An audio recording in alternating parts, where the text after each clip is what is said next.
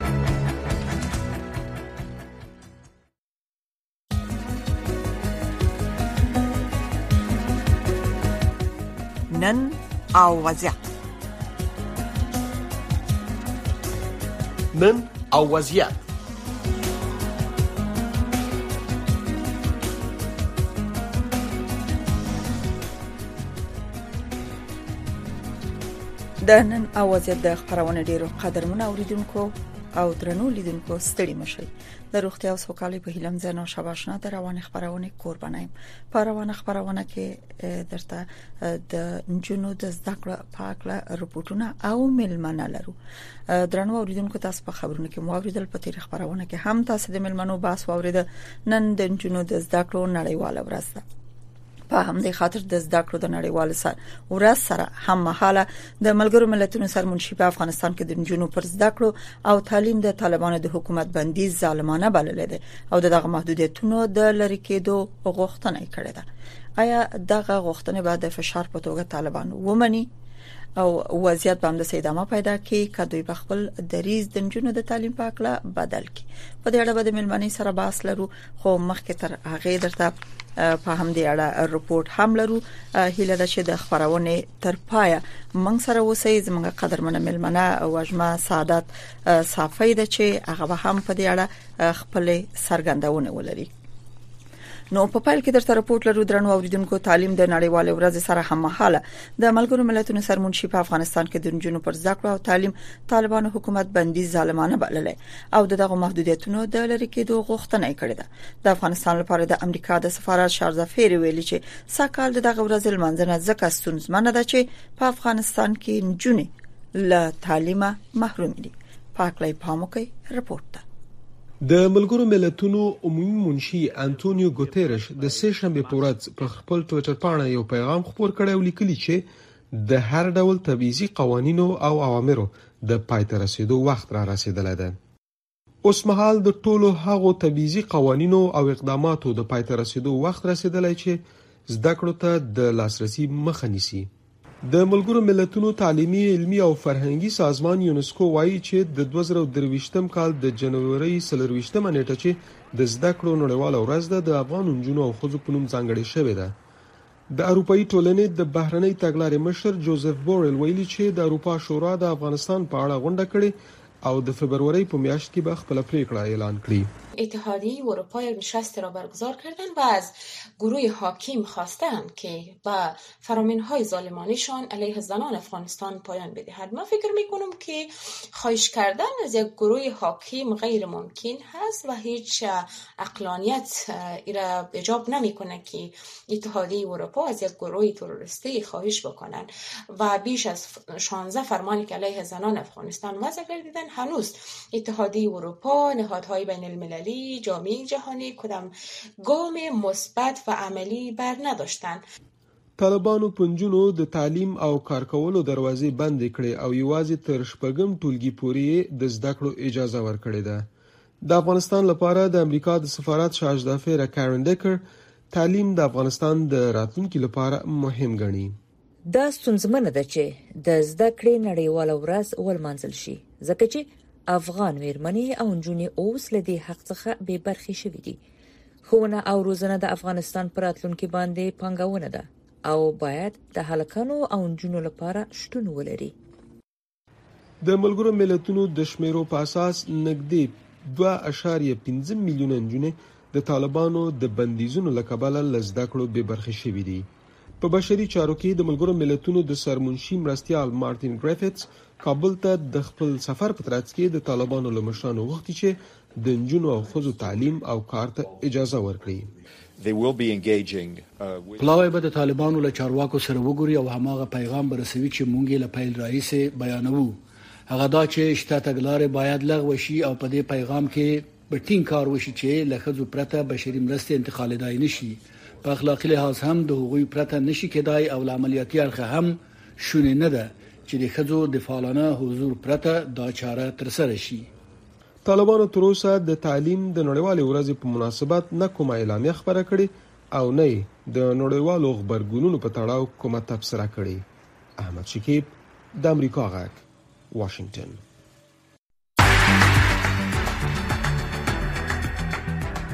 طالبانو د افغانستان له دننه د امریکا غږ راډیويي خپرونې درولې دي. خو امریکا غږ په پوره ژمنتیا خپل افغان اوریدونکو ته په پښتو او دری ژبو د کره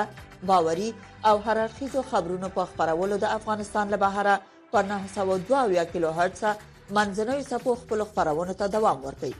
د دې ترڅنګ تاسو کولی شئ چې زموږ پښتو خبرونه په لاندو چپو هم واورئ پښتو سهارنې خبری خبرونه پر 2290.0 چپو اوریدل شئ ما خبرنۍ پښتو خبرونه په 2041.0 2015.0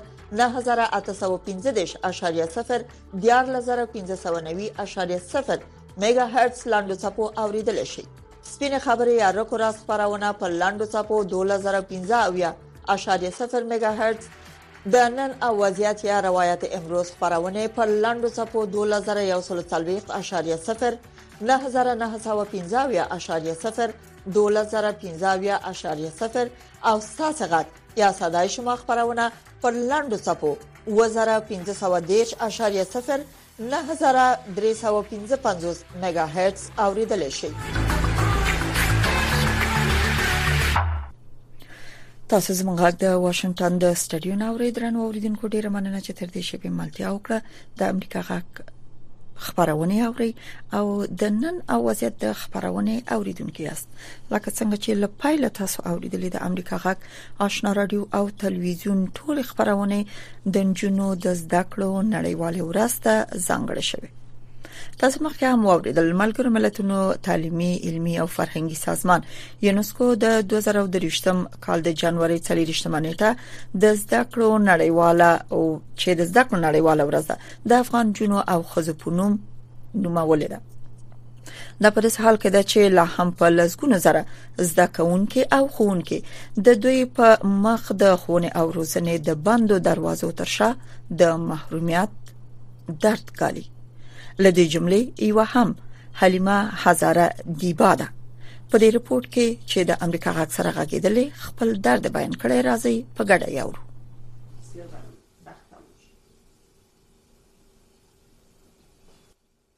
حلیمه وی د وطن د جنونو د روزنې په هدف کار کوي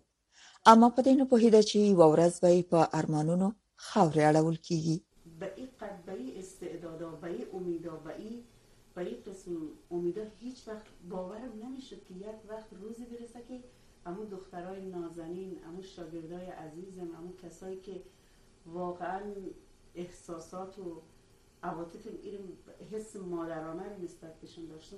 روزی ممکن است که اونا درس نخوانند روزی ممکن است که آرزوهایشان برباد شود و این روز هیچ وقت ذهن من نمی گنجید د نورو ډیرو افغانانو په څیر دا میرمن هم وایي چې افغانانو اوږده جګړه په خپل هیواد کې تجربه کړه وینې تویې شوې، له مادي او معنوي تاوانونو سره مخ شول،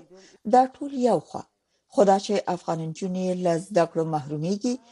دا ډول توره ورځ باید د نړۍ لپاره د منلو وړ نه وي. ولی روزی که برای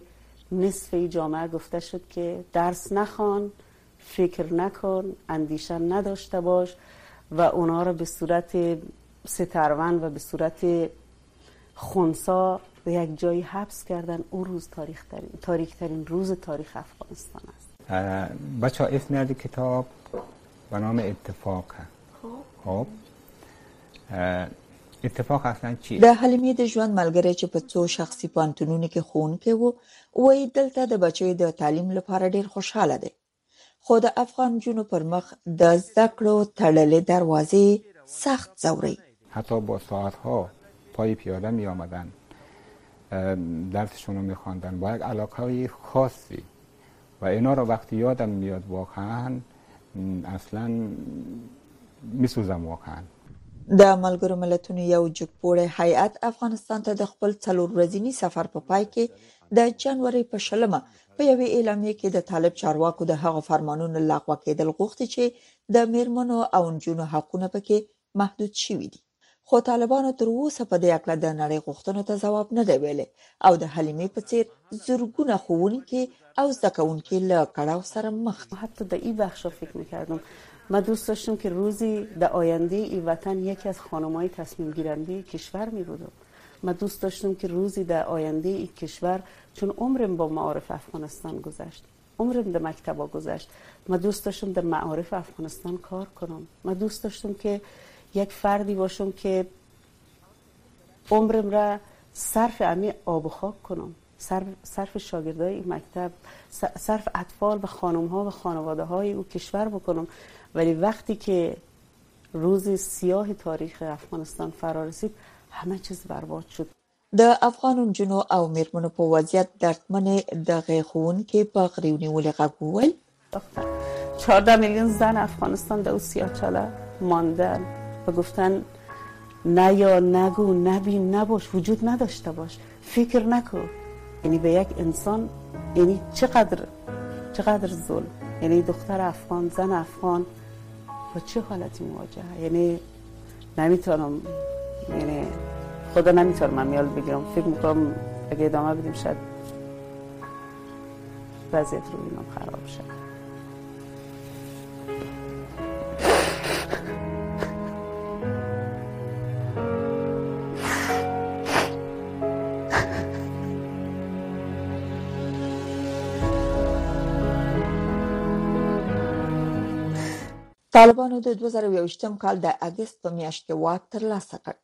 چې په پرله پسې فرمانونو کې پر نجونو او خزو د زده کړو او کار محدودیتونه وضع کړل د میرمنو لپاره د ملګرو ملتونو د ادارې اجرایوي مشرې میرمن بهوز د طالب چارواکو سره له لیدو وروسته ویلي افغان میرمنې به په افغانستان کې د خپل حقوقو ترلاسه کولو لپاره چوپ خپل پاتې نشي او د خپل مسولیت بلل چې د دې میرمنو ترڅنګ ودرېږي نو شاباشنا امریکا غاک واشنگتن قدرمن اوریدونکو بیا هم خبرونه اوریدو ته خراغلاست هم دا وخت چې د خپل درنې میلمنې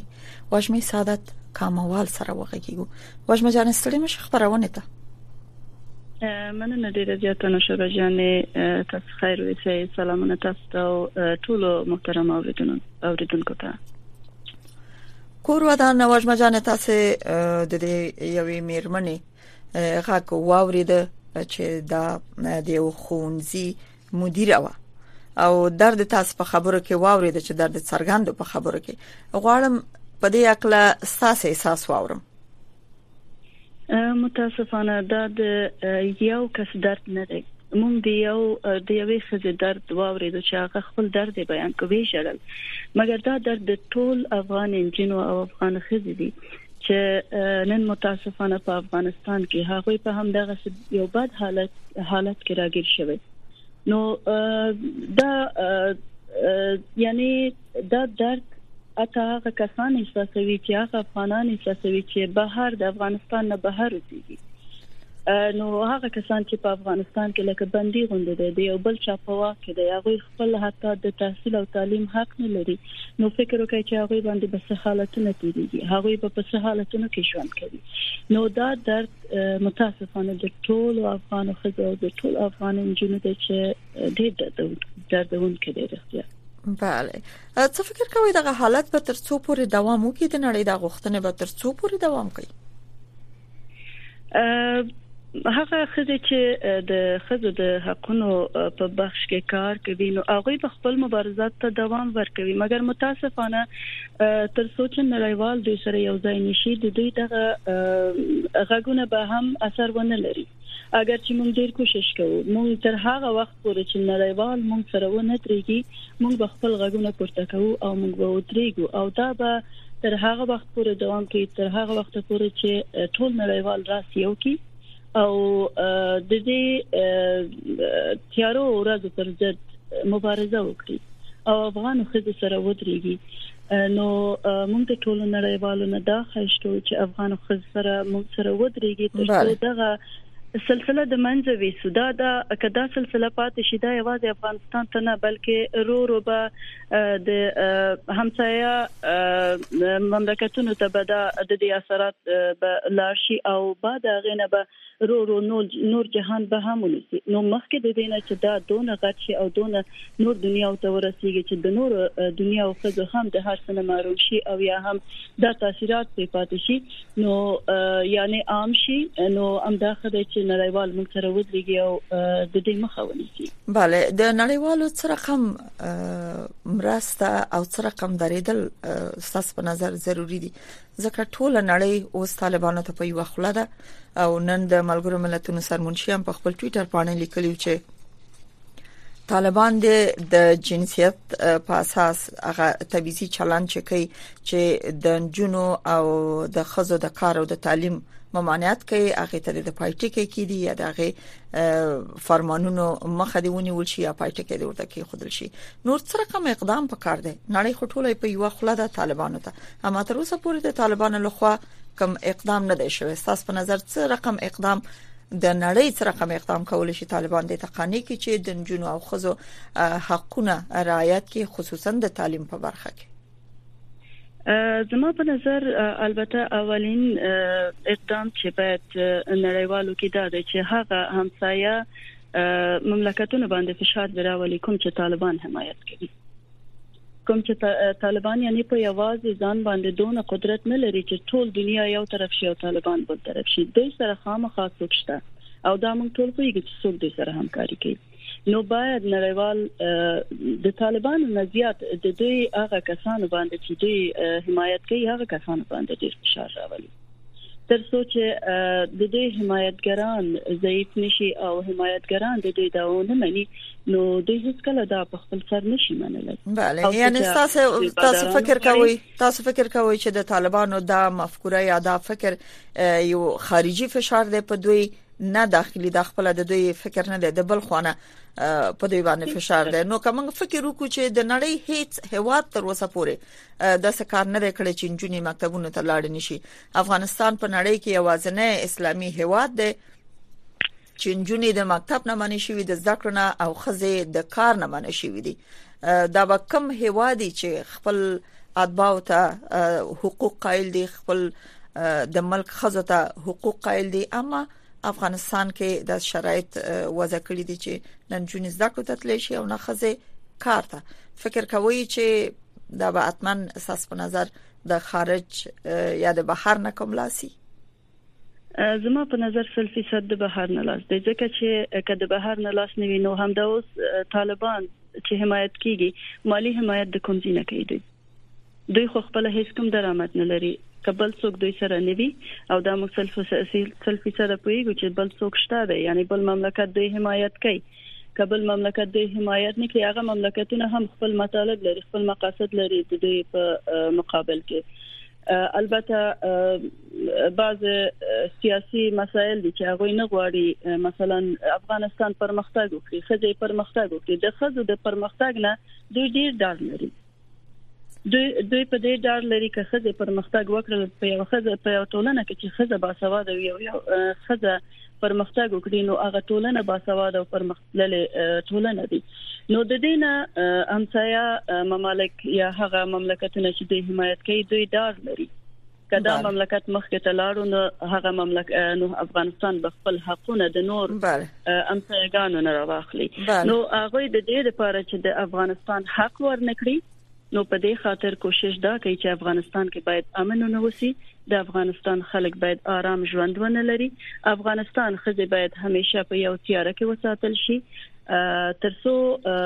افغانان ضعیف شي او خپل حق د امپرایګانو نه ونشي غوښتلی نو اصل مطلب په دغه کې دی bale که خزه دومره قوي دي او لکه څنګه ثابته کړیم د چې تر دې دمه د مبارزې ته ولاړ دي که د خزه د دومره قوت نه ځنې هوادونه ډار لري او په افغانستان کې دا رقم منفي مداخله کوي ساسه د وینا په اساس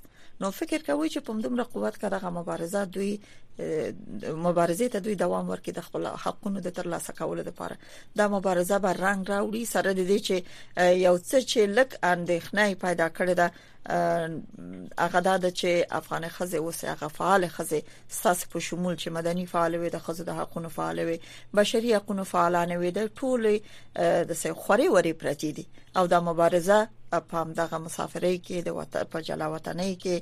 په همدغه تیزو پاشان شکل روانه ده هر څوک چې په هر ملک کې دی دغه ملک تر چارواکو خپل غږ رسي دنیا ته خپل غږ رسي هم فکر کوي چې دغه قوتمند مبارزه به د دوی مبارزه او د دوی فعالیت په یو څه رنګ راوړي خپل د حق د ترلاسه کولو لپاره به موږ ستر پای ودرېږي او ترلاسه وکړي موږ به خپل مبارزاتو ته دوام ورکو ځکه چې موږ مسول استو موږ ځان مسول احساسو د هغه خزو چې په افغانستان کې دی واغوي خپل غږ نشي پورته کولای نو موږ به د خپل غږ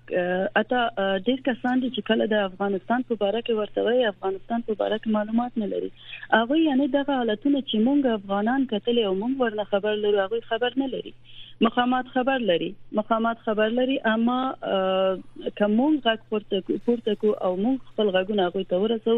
هغه به اقدام وکړي نو مونږ خپل مبارزات ته دوام دوام ورکو دلته هم مونږ تظاهرات لرو مونږ ګرځمایان لرو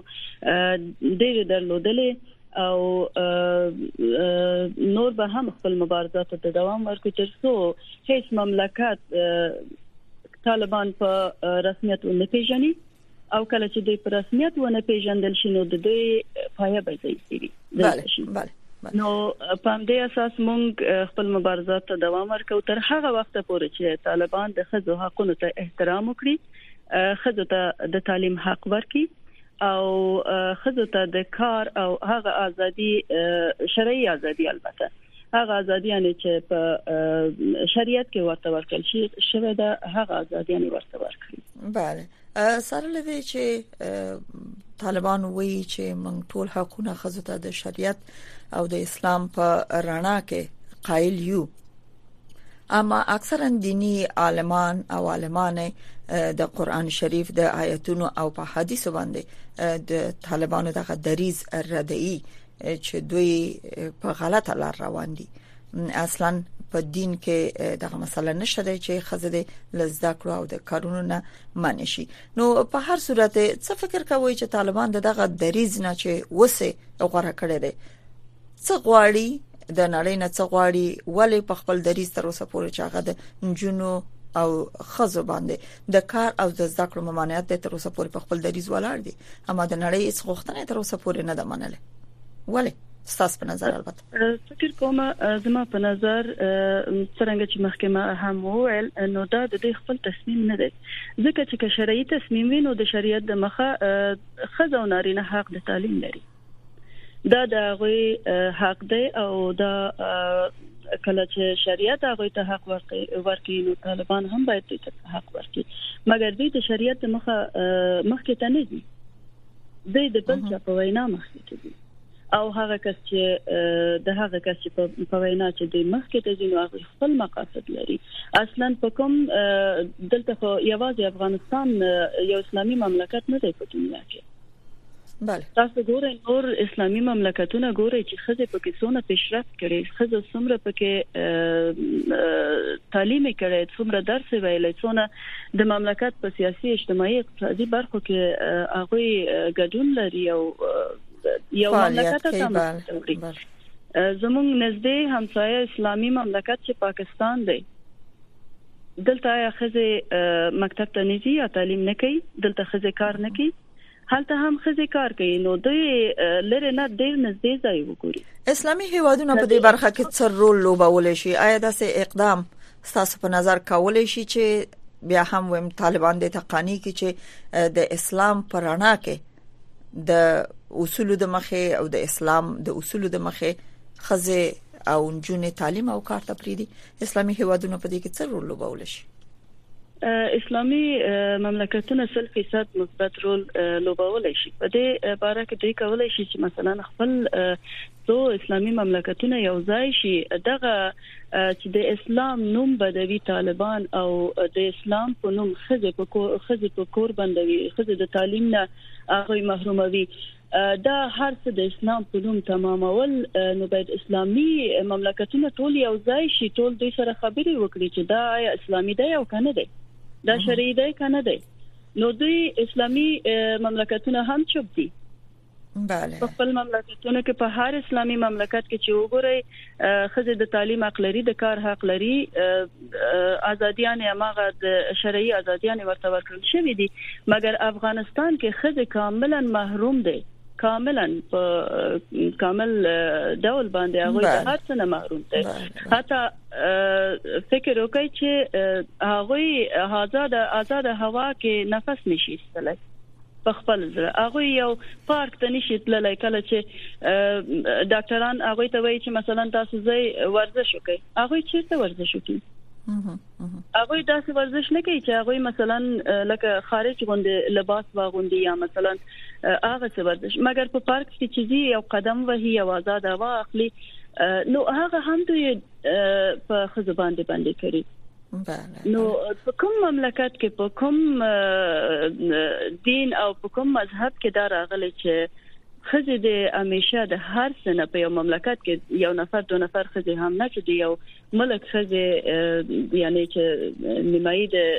ټولنه خزه ده نو هغه د هر څه نه باید محروم دي حتی ما وژنه جان د خبرونه ورستۍ شي بي دي bale یو درې دقیقې وخت لرو د خبرونه ورستۍ شي بي دي د ورستۍ پښتنې په توګه غواړم تاسو نه جواب ترلاسه کم څه فکر کوئ چې دا وسنۍ حیا هو چې د نړیوالې ټولنې د نړیوالو د خوا په مجموع کې د سیمې د هیوادونو د نن په افغانستان کې چې کوم خبرګونونه خودل شي وي دي یا بهر د افغانستان نه چې ورځ په ورځ د خزو خصوصا د خزو د کار او تعلیم په برخه کې کوم غږونه اوچتيږي مبارزه کیږي او دا مبارزه ورځ په ورځ لګه جدي تر سترګو کېږي د نړیوالو خبرې اوس لکه د پخوا په څیر د نرمه غوښتنې نه دي یو څه د طالبانو دغه عمل چې د خزو او جنو د کار او د تعلیم معنی شي وي لکه نن چې د ملګرو ملتونو سرمنشي ویل چې دا ظالمانه عمل دی لکه دا لفظونه شدید شي وي فکر کوي چې